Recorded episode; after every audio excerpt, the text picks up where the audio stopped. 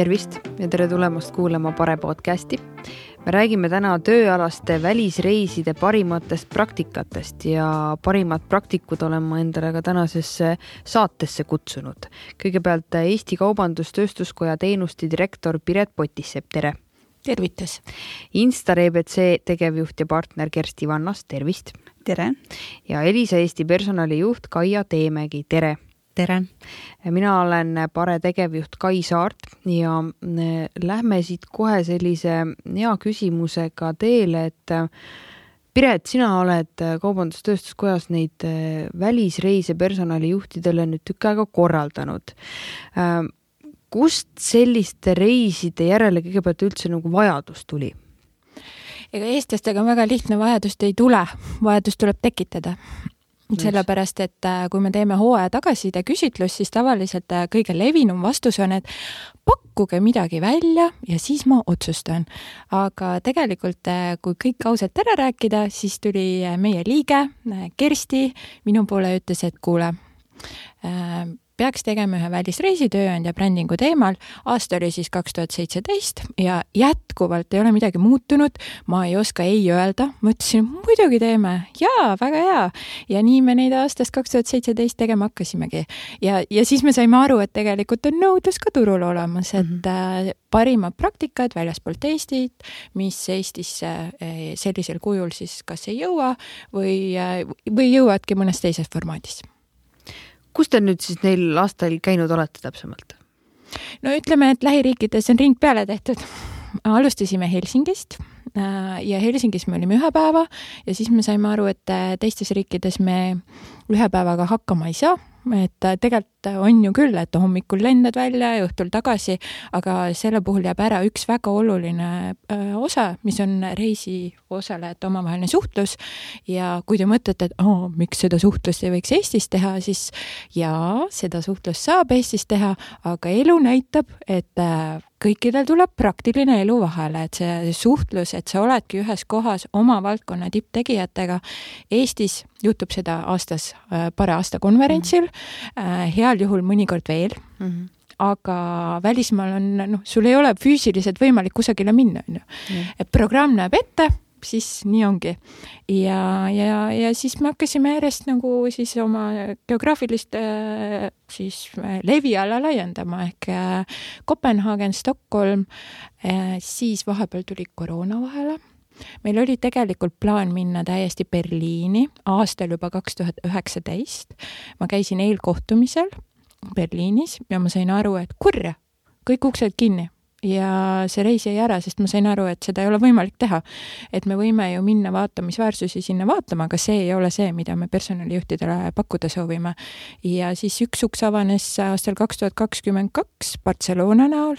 ja, ja seal me käisime siis jah, eelmisel sügisel ja sel sügisel meil on juba grupp koos ja ootejärjekord ka ja läheme Berliini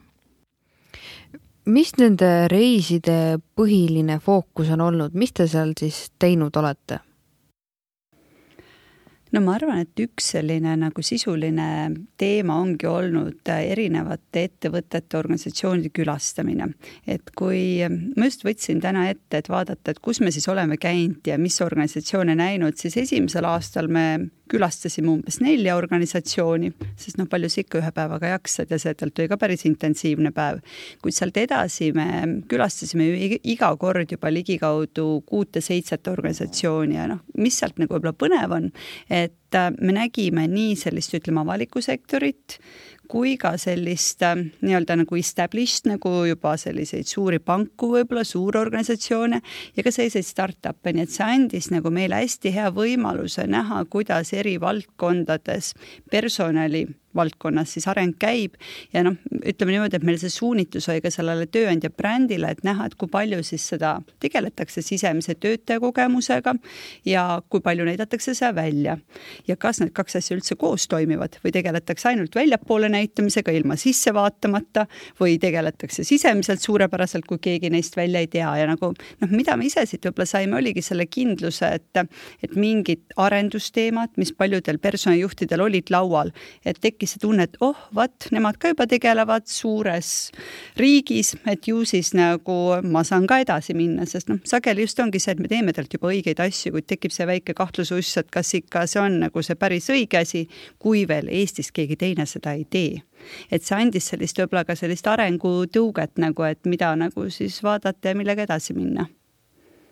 no võib-olla ma täienduseks ütlen ka seda, et kaks tuhat seitseteist versus kaks tuhat kakskümmend kaks, et siis kaks tuhat seitseteist kindlasti oli see, et me tundsime, et meil on midagi õppida ja, ja väga palju asju, mida üle võtta. Ja kaks tuhat kakskümmend kaks oli pigem see tunnetus, et vau et me oleme nii palju teinud, äh, me oleme kõik teinud nagu väga hästi. Ja see äh, oli juba seal Barcelonas pöördunud teistpidi, et Barcelonas väga paljud ettevõtted ütlesid, et meie juhid endiselt nagu mõtlevad, et piisabki sellest, et me ütleme, et teil on kontor Barcelonas.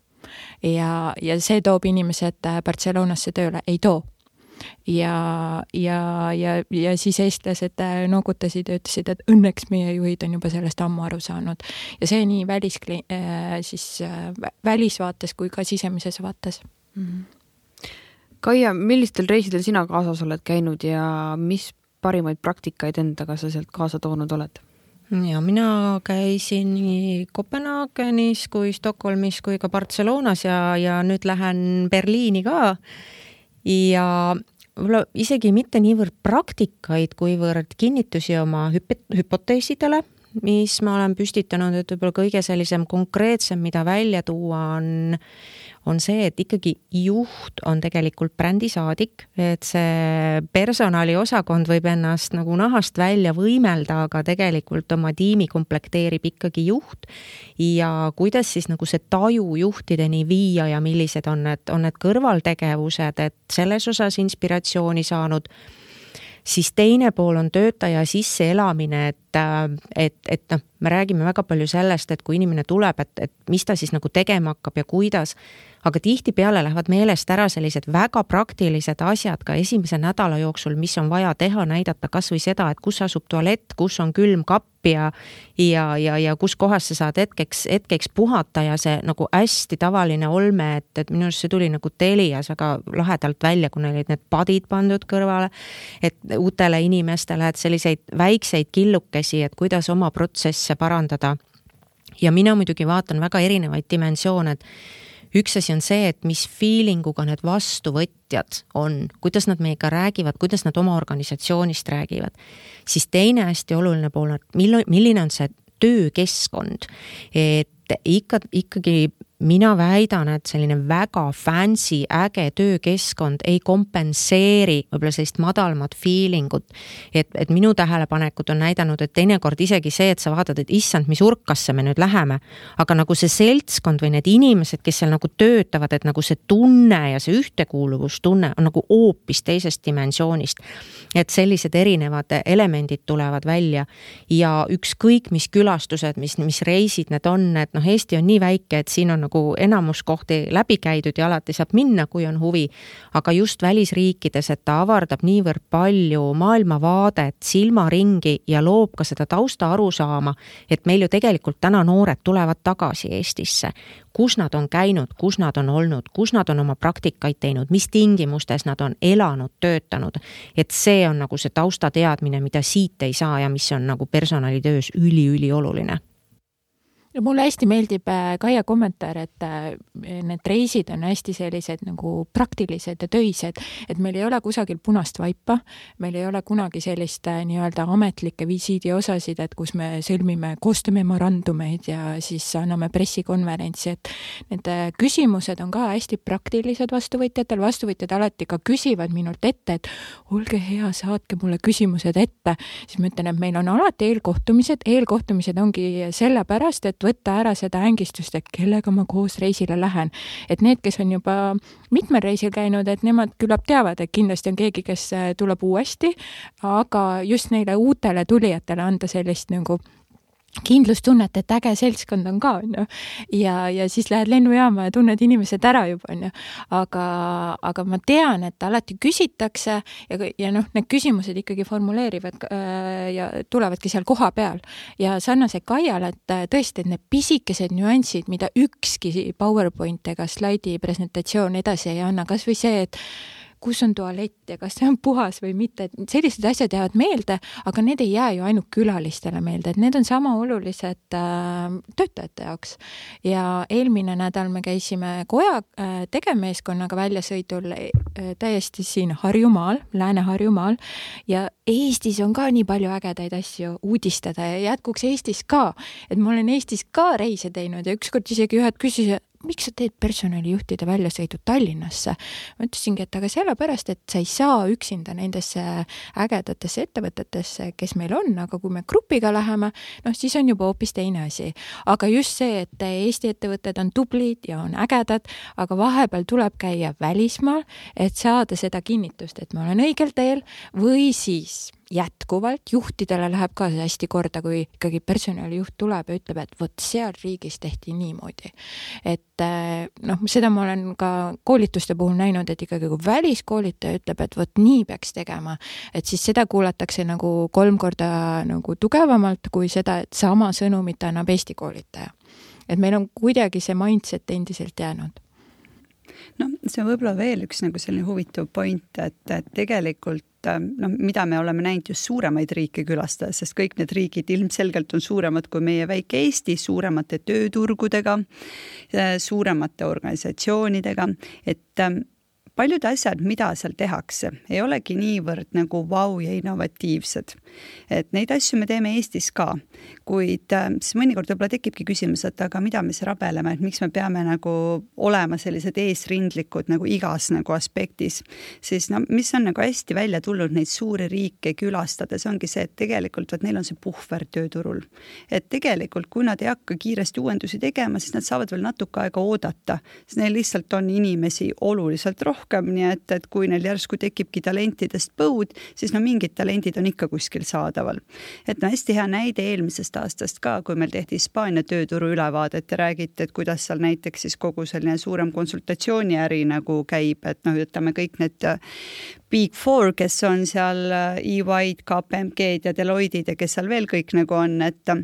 et äh, põhimõtteliselt nende puhul on nagu ärimudelis see et, et kolmkümmend protsenti inimesi nagu vahetub aastas kolmkümmend protsenti vahetub. kui see on nüüd siis mingi selline Hispaania üks nendest firmadest, siis see tähendab, et sul kolm tuhat inimest kogu aeg on nagu nii-öelda nagu pipeline'is, keda sa pead otsima. et nüüd me mõtleme jälle Eesti firmade peale, kus meil võib-olla vaja kolme inimest või kolmkümmend inimest leida nagu, et siis need numbrid on palju väiksemad, aga samal ajal ka meil nagu sellise kolme inimese leidmine on palju keerulisem, sest meie turg on lihtsalt nii palju väiksem. nii et, et seetõttu saada kogu aeg selline tunnetus, et me peamegi olema eesrindlikud tegelikult, sest muidu need meie kolmkümmend tükki võetakse ka sinna kolme tuhandesse suurde nagu lõvilõugade vahele, et, et siis me jääme ka nendest ilma, et, et selline nagu võib-olla see julgustus kogu aeg tõesti, et me peame nagu ennast arendama, kasvatama ja kui me seda ise ei tee, siis me nagu nii ettevõtetena, organisatsioonid jääme natuke nagu selliseks kaotajaks, kuid võib-olla ka teise külje pealt nagu inimestena, sest noh, lõppude lõpuks on ka see teine pool, see networking, iseenda arendamine, ebamugavustsooni panek täpselt see, mida Piret ütleski, et, et ega see grupp ei ole nagu selles suhtes iga kord sama. et see, et Kaia on käinud iga kord, see on suurepärane, aga tegelikult iga kord on uusi inimesi ja see mõte ongi, et anda nagu kõigile võimalus nagu panna natuke ennast ebamugavasse olukorda, kus sa lähed tegelikult võõraste inimestega koos õppima, arendama, et aga noh, läbi ebamugavuse me teamegi, et me õpime ja areneme ja noh, networking on ka siin nagu ütleme, peaks ütlema, mitte väga väheoluline tegur nagu. Meil tuli tegelikult täiesti ka reegel peale esimest reisi juba äh,, kuigi me oleme seda reeglit mõnikord murdnud, aga reeglid ongi ju selle jaoks, et neid natukene niimoodi painutada ühele või teisele poole, et äh,, et ühest organisatsioonist üks esindaja miks, sellepärast et äh, paraku oli nii, et kui organisatsioonist oli rohkem kui üks esindaja, kellega sa siis kohe neid äh, ideid ja mõtteid äh, põrgatama hakkasid, oma kolleegiga loomulikult. ja Kopenhaagenis mul oli meeles, see tuli kohe nagu uuesti jälle meelde, kui ma selle reisi peale mõtlen, et meil oligi ühest organisatsioonist kaks inimest ja nad igal pool jäid alati grupist nagu veel tahapoole ka ja mul oli suur hirm, et nad juba esimesel päeval kuskilt meil ära kaovad. no kõigest läks nagu teise päeva viimase kohtumise lõpuni, kui nad ära kadusid ja, ja noh, kadusidki ja see oli ebameeldiv. ja, ja siis äh, nii on, et meil on ootejärjekorrad, mis tähendab ühtepidi näitab ka seda, et eh, selle reisi vastu on suur vajadus ja nõudlus. Ja ootejärjekordade puhul ongi siis see, et eh, mõnikord kellelgi juhtub mingi pisikene õnnetus või, või tuleb mingi, midagi ettenägematut ette. Ja peale seda me saame siis kellegi jälle õnnelikuks teha öelda, et, et sina saad nüüd reisile. Mm. -hmm kas on mingisuguseid väga, noh, Kaia muidugi natukene tegi sinna sissejuhatust, aga ikkagi, kas teie enda kogemuses või need, kes teiega veel reisidel on käinud, mingeid väga kindlaid praktikaid, mis te olete võtnud nüüd vot Barcelonast ma võtsin selle, viisin ellu, noh, et hästi resoneerusite selle praktikaga ja kohe läks tead käiku või noh, kellegi, kellegi teiselt olete siis kuulnud, et midagi sellist oleks tehtud? on olnud mingeid siukseid asju ka? ma arvan, peale Stockholmi reisi nagu pooled osalejatest hakkasid kasutama Team Taylori platvormi. Nad nagu olid nii võrratult head selles, kuidas nad rääkisid oma lugu ja see lugu oligi selline loomulikult müügilugu, et nemad pakuvad platvormi, seal oli ka isiklik seos Eestiga, et selle Team Taylori asutaja oli siis Skype'i üks esimestest töötajatest, et tal oli väga isiklik seos Eestiga ja, ja noh, samas see follow-up, mida need klienditeenindajad tegid, ma ütlen selle peale, et Eesti ettevõtted, võtke õppust, see oli väga hästi tehtud. Ja kui sa saad kliendiks Swedbanka, ma ütleks, et pole paha. Mm. -hmm mm. -hmm. et no mida ma nagu toon välja, et tegelikult iga aasta need ettevõtted, keda me oleme külastanud, on kõik väga erilised olnud, et juba esimesel aastal, kes seal olid, Neste, Rambol, Neste rääkis nagu konkreetselt sellest, kui oluline on kogu selline ähm, turvalisus, tööturvalisus, mida noh, me võtame nagu ikkagist kohati iseenesestmõistetavana ja siis jälle kuuleme nagu, kuidas nagu tegelikult juhtub igasuguseid asju. et, ähm, et noh, ma arvan, et ähm, iga kord on midagi olnud, mida nagu kaasa võtta või Rambol, kes kaks tuhat seitseteist aastal nagu väga edukalt oli juba aktiveerinud enda tööandja saadikute ähm, nii-öelda võib-olla siis mitte programmi, ma ütleks, aga see tööandja saadikute väljanäitamise. et sel hetkel nagu Eestis nii palju seda veel ei tehtud, et taaskord see inspiratsioon ja noh, võib-olla siis nagu mulle kui agentuuri esindajale see julgus taas, et nagu pakkuda välja seda, sest tegelikult kes on kõige nagu usaldusväärsem inimene, inimene, kui me räägime sellest, kas tasub kuskil töötada või mitte, no ikka ongi see oma töötaja ja nende kogemuse nagu jagamine on nagu väga oluline et ma, või siis nagu sealt järgmine aasta ka noh, ütleme niimoodi see aususe või läbipaistvuse osas, et mida Piret tõi välja ka, et ise võid minna ükskõik kuhu ukse taha, kuid sulle lihtsalt ei avata seda ust. tiimiga lähed, sulle avatakse uks ja nagu räägitakse asjadest nii, nagu nad on, et Taanis me külastasime ka Danske Banki, kellel olid siis ka just huvitavad ajad ja see taaskord, kuidas nad seal enda tööandja brändi loomisest meile rääkisid. nii nagu see olukord ongi ja nad tegelikult olid taaskord väga palju asju ära teinud, võtsid neid muresid maha, mis paljudel on sellega seotud, et kui nüüd me hakkame oma töötajaid näitama, äkki need inimesed avaldavad midagi väga salajast. mida me siis teeme, kui me laseme oma töötajal take over'it teha, siis neil on nii, et no mis me ikka teeme, kustutame ära siis selle pildi nagu, et, et noh et ega inimestel on endal ka ju mõistus peas, et ega nad ei lähe ju nagu, kui neil on take over nagu neid saladokumente meelega nagu seal seda tegema, et ja kui õnnetus juhtub, siis tõenäoliselt noh, see on nagu väga väike tõenäosus, siis saab ära kustutada. et eks iga kord on just selliseid hästi häid praktilisi nagu nippe tulnud no meil võib-olla jah, ka kõige praktilisem, mis mul praegu meelde tuleb, ongi see, et äh, et sellise viimase kõne või siis selle nii-öelda welcome kõne, et, et sa oled meile oodatud, tule meile tööle, selle teeb juht, mitte värbaja ega personalitöötaja. et tundub hästi väike asi, aga mõju on tohutult suur ja eh, Sveko oli see, kus meil võttiski vastu juht, eh, kellel oli hästi äge taust, ta oli hoopis militaartaustaga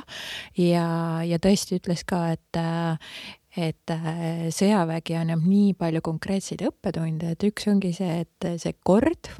äh, teine on autoriteet, äh, autoriteet versus siis liidri omadused ja liidriks ikkagi läbi autoriteedi sa ei saa. ja mida me nagu oleme hästi palju nendel reisidel ka rääkinud, ongi see, et me näeme, kuidas see uus põlvkond tuleb tööjõuturule, neil on teised ootused, neil on teised ootused, kardinaalselt teised ootused ka juhtidele ja, ja ma näen seda, et nendel vanema põlvkonna juhtidel on sellega jube raske kohaneda. Nad ei saagi aru, et aga, aga ta ütlebki, et ma, mul on täna äh, halb tunne, ma tahan koju jääda, et see põlvkondade äh, kõnetamise teema on ka läbivalt nendel reisidel äh, läbi jooksnud ja, ja ma usun ka seda, et, et noh, teistes riikides võib-olla selle põlvkonna teemaga ka juba varem tegeleti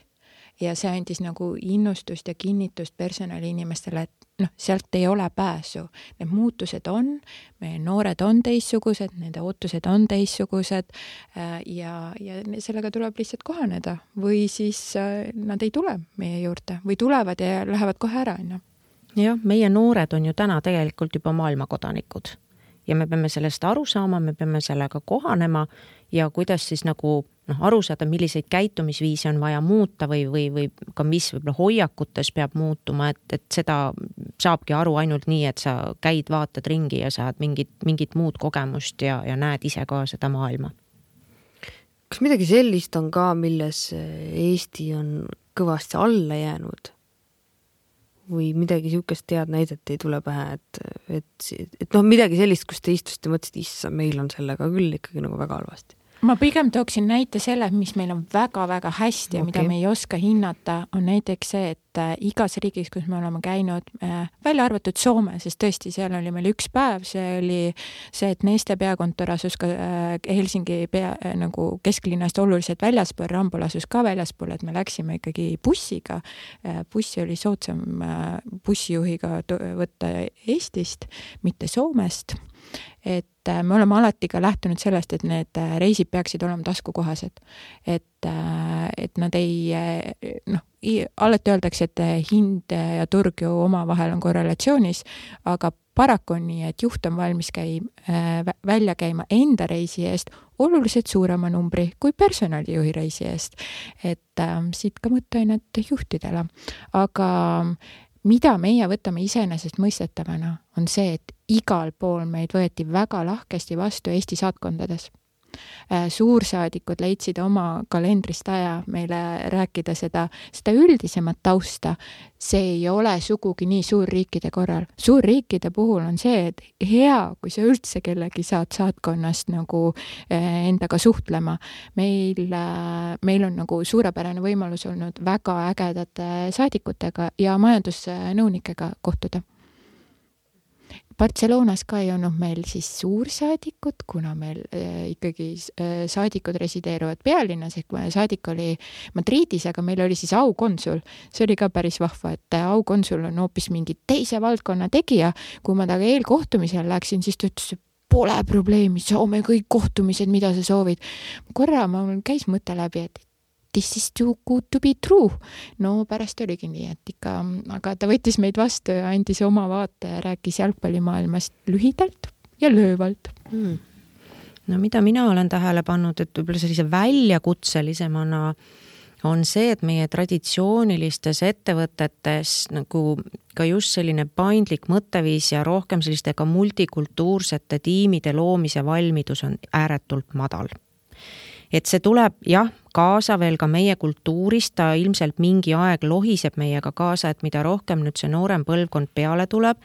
seda lahtisemaks ta läheb, aga endiselt on see väljakutse, et, et ja kui käia nagu äh, erinevates riikides ja erinevates ettevõtetes, et, et, et ja näha seda, et et kuivõrd ebaoluline on mingi keelebarjäär või mingid noh, et tööprotsessid, kas midagi peab olema emakeeles, ei pea, noh, see on prioriteet üpsilon. sul on vaja tiim tööle saada, sul on vaja nagu töö ära teha, et, et meie teinekord nagu põrkume mingite selliste pseudoprobleemide taha, et, et, et kui me, ma saan aru, et keelt ja kultuuri tuleb hoida ja, aga noh, see on nagu täiesti teine teema. aga ka see, et mis, kuidas me siis nagu väärtust pakume meie enda inimestele, meie enda riigile on ju läbi, läbi erinevate tööde ja tegemiste. et see just see nagu valmisolek nagu mitmekesisuseks ja erinevusteks no meil on veel pikk tee minna mm. -hmm ma olen ka nõus, nagu just oleks toonud seda ka mitmekesisuse teemat nagu välja, et, et eriti suurriikides, et vahet ei ole sul nagu, et milline on su selline nii-öelda taust, et kui sa töötad hästi, siis nagu pigem ongi see, et, et kogu see team fit ja culture fit on nagu oluline. aga mida ma võib-olla tahtsin veel omalt poolt lisada, et mida oli hästi hea kuulda ja näha, oli võib-olla see, et võib-olla see rohkem ka suuremate organisatsioonide puhul, et selline nagu nii-öelda pikaajaline ikkagi selline inimeste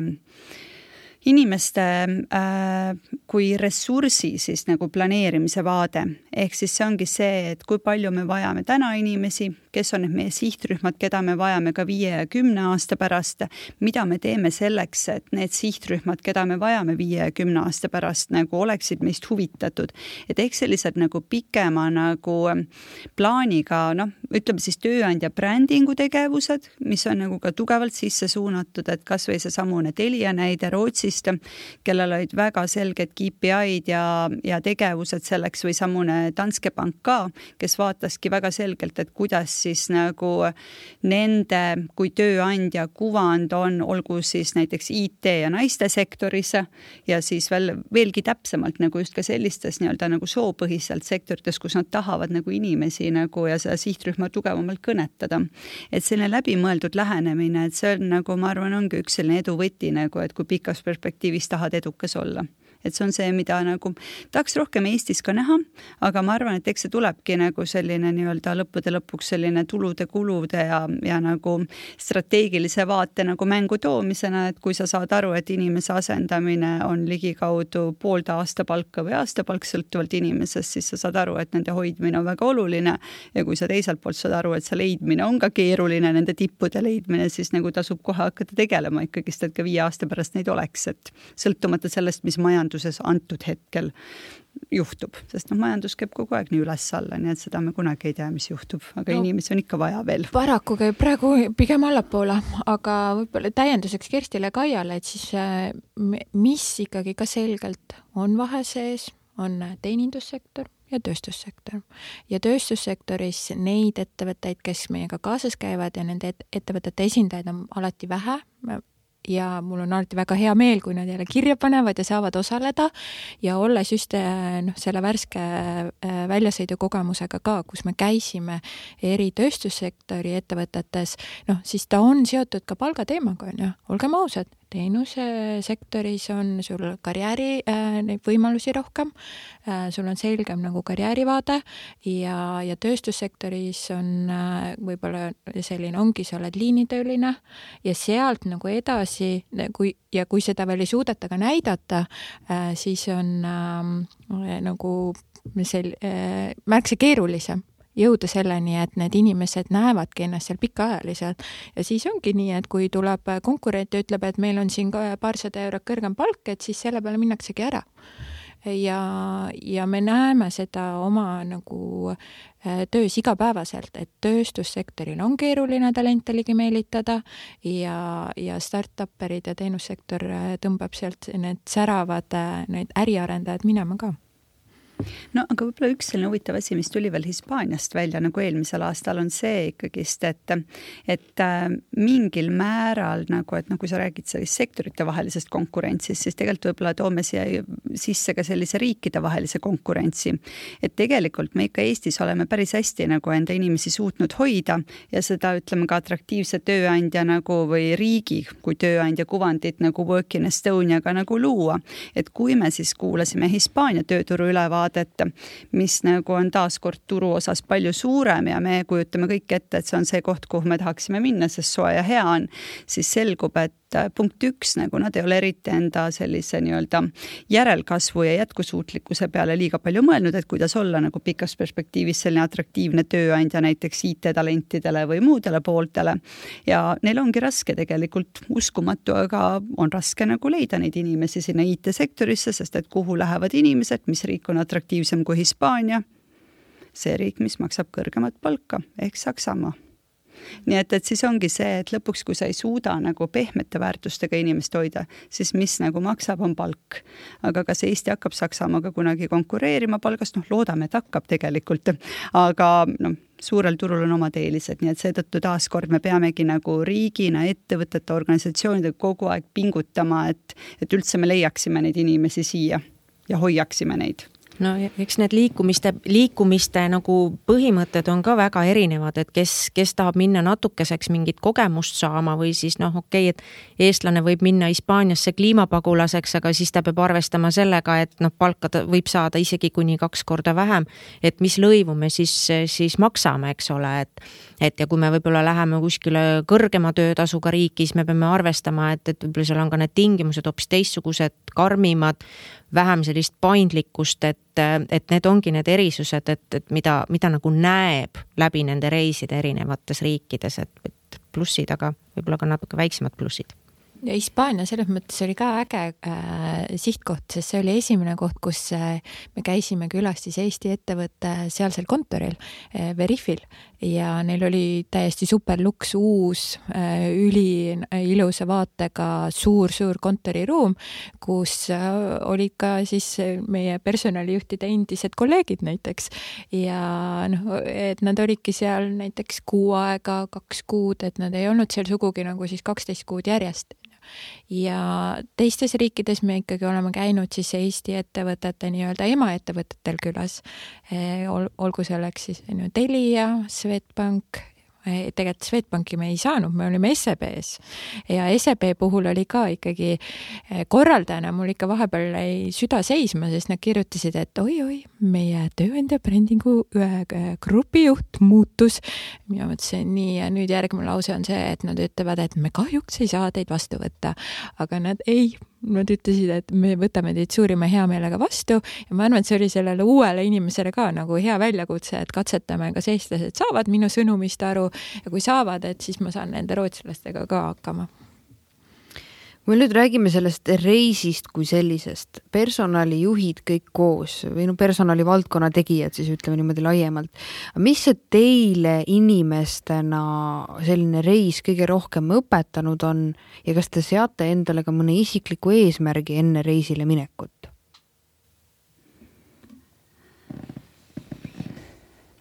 No ma võin alustada, et, et kui ma nüüd hästi nagu ausalt ütlen, siis ega me Piretiga koos seda korraldame nii, et Piret teeb kogu selle musta töö ära ja siis mina olen kohapeal transferide juht. ehk siis see tähendab seda, et ma vaatan, et me jõuaksime kõik õigel ajal õigesse kohta ja kõige suurem väljakutse ongi õigel ajal õigesse kohta minna, mitte valele poole suunduva bussi peale näiteks, mida meil on ka juhtunud aeg-ajalt. nii et selline väike elevus ja jälle koos tegemise rõõm on meil kogu selle asja sees, mis seob nagu natuke ühtsemaks meid ka, et kõik ei ole liiga äh, nii-öelda nagu äh, udusulgedel kandmine. Aga tõsisemalt võttes nagu, et äh, noh, võib-olla mida ma välja toon, ongi see lõppude lõpuks, et suhted loo-, loevad. et nii nagu Piret juba ütleski, et tegelikult ei ole lihtne neid äh,, lihtne neid ettevõtete külastusi üldse saada. mida suurem on riik, seda keerulisem see on, seda rohkem ongi see, et kes tunneb keda.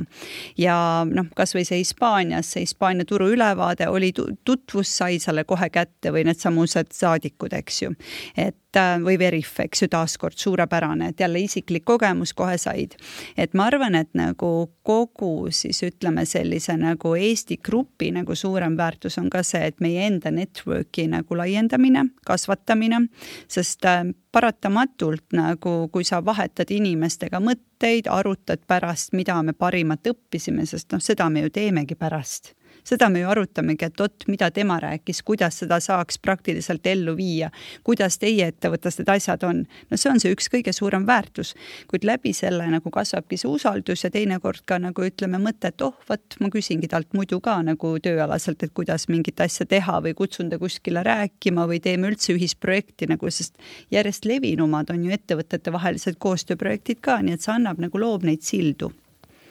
no minu isiklik eesmärk on olnud saada keskkonnast välja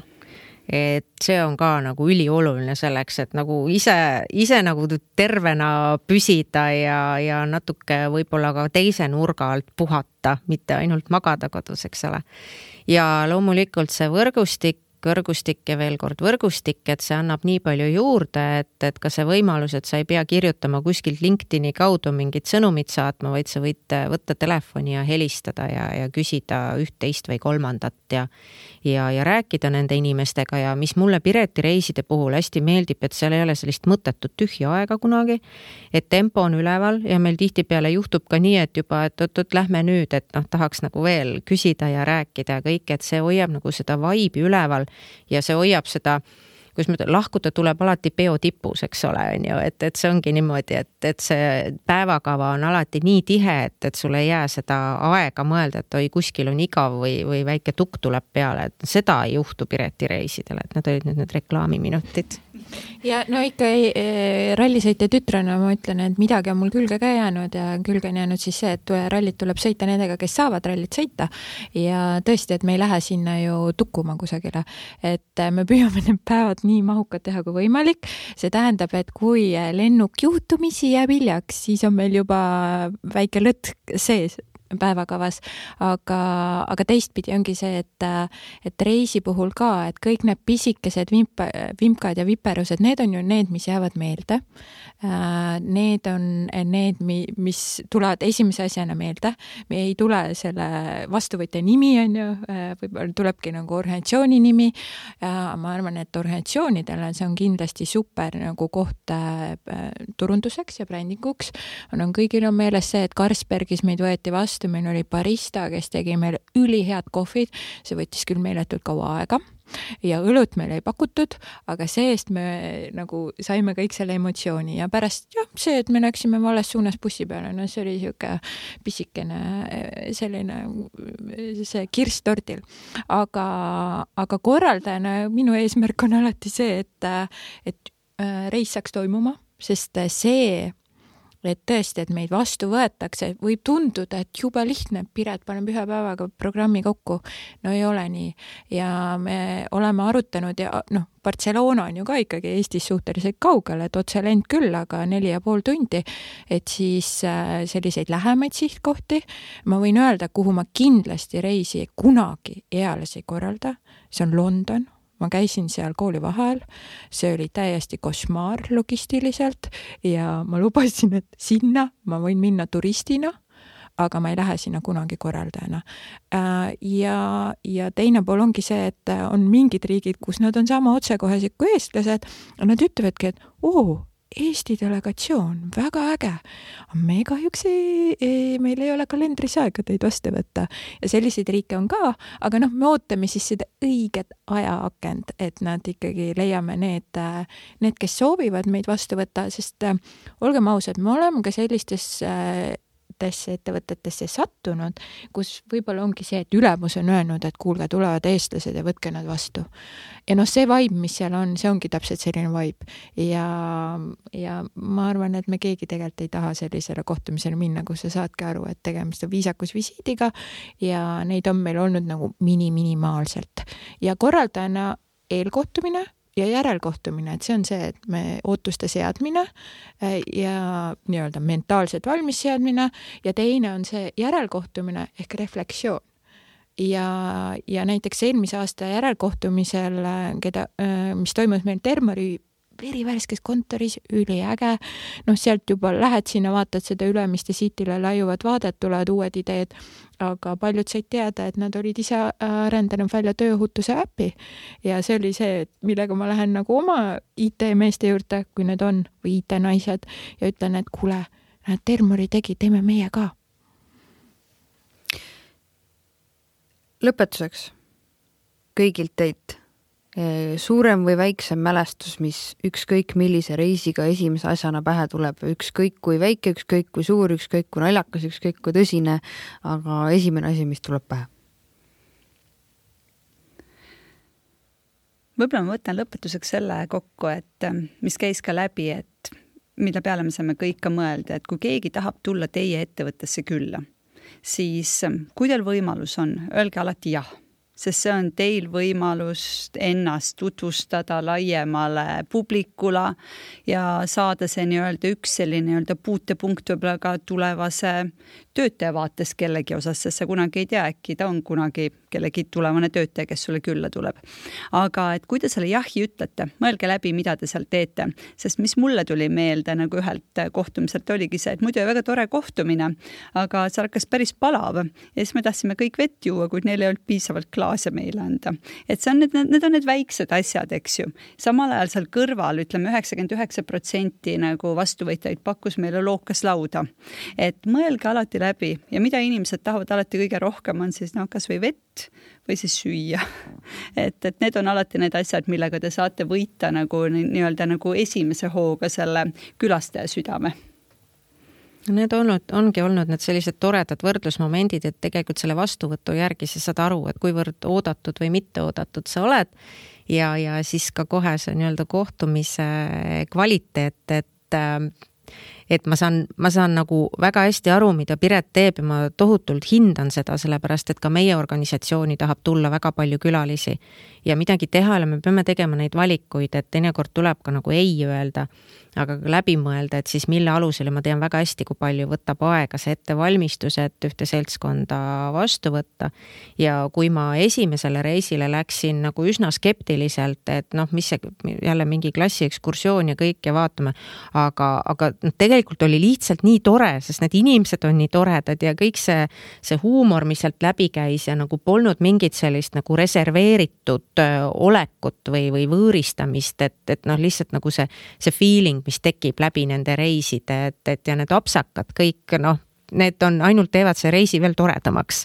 mitte ei, ei pane keegi pahaks, nii et, et igast reisist on jah, mingi täpselt seesama, see klaasi näide tuli mulle ka meelde, et siis me noh, jagasimegi seal, no mis siis ikka, rasked ajad saad hakkama. Jah, jah, see oligi kohe niimoodi, sõprus läks nagu laiali, sest noh, tõesti oli väga-väga palav. Ja see, ma tuletan meelde, miks oli palav, meil oli energiakriis muideks, et ja aga mitte keegi vastuvõtjatest meile ei öelnud, et teate, Hispaania riigis tohib äh, siis konditsioneeri käima panna siis, kui on kakskümmend kaheksa kraadi ja oleks seda öeldud, me oleks võib-olla ka märksa mõistvamad olnud selle temperatuuri osas ja kuidagi valmistuda osanud, aga ma ei osanud ka küsida. ja noh, korraldajana ütleme nii, et enne esimest reisi ma ikkagi kaks nädalat ei saanud magada niimoodi normaalselt, aga nüüd ma ei tea, nüüd on meil ka vähem kui kuu aja pärast reis. meil on paar lahtist otsa ja ma pean ütlema, et mu uni on väga hea nii et ma arvan, et kõik need apsakad tegelikult ongi see, et, et see, see annabki elule vürtsi ja et kui meil oleks elu liiga eh, minuti pealt nagu ära organiseeritud, et siis, siis ongi see, et ega me robotid ei ole. ja alati on nagu mingi toitlustusega, kui sa kuu aega ette saadad ja küsid, et nii, palun öelge oma menüü, siis ma ise alati ka mõtlen, et kurjaga, kuidas ma tean, mis tunne on mul kuu aja pärast ja mida ma süüa tahan. aga noh, kui me suure grupiga käime, mm, siis see paraku on ka ikkagi üks osa, et sa pead teadma. ja no ütleme nii, et kui sulle ei meeldi, siis on paha lugu, siis jätad mhm. söömata lihtsalt mul on hea meel öelda, et äh, Pare taaselustab ka oma traditsiooni ja, ja alustame meiegi taas personalijuhtide välisreisidega ja viiendal, kuuendal oktoobril äh, lähme kaheks päevaks Helsingisse, nii et äh, seal ka igast põnevaid asju on toimumas. aga ma tänan teid, nende mõtetega tõmbame tänase podcasti kokku, aitäh tulemast, Eesti Kaubandus-Tööstuskoja teenuste direktor Piret Potissepp. aitäh kutsumast. aitäh Instari tegevjuht ja partner Kersti Vannos. aitäh ja aitäh, Elisa Eesti personalijuht Kaia Teemägi. aitäh kutsumast. järgmiste kohtumisteni.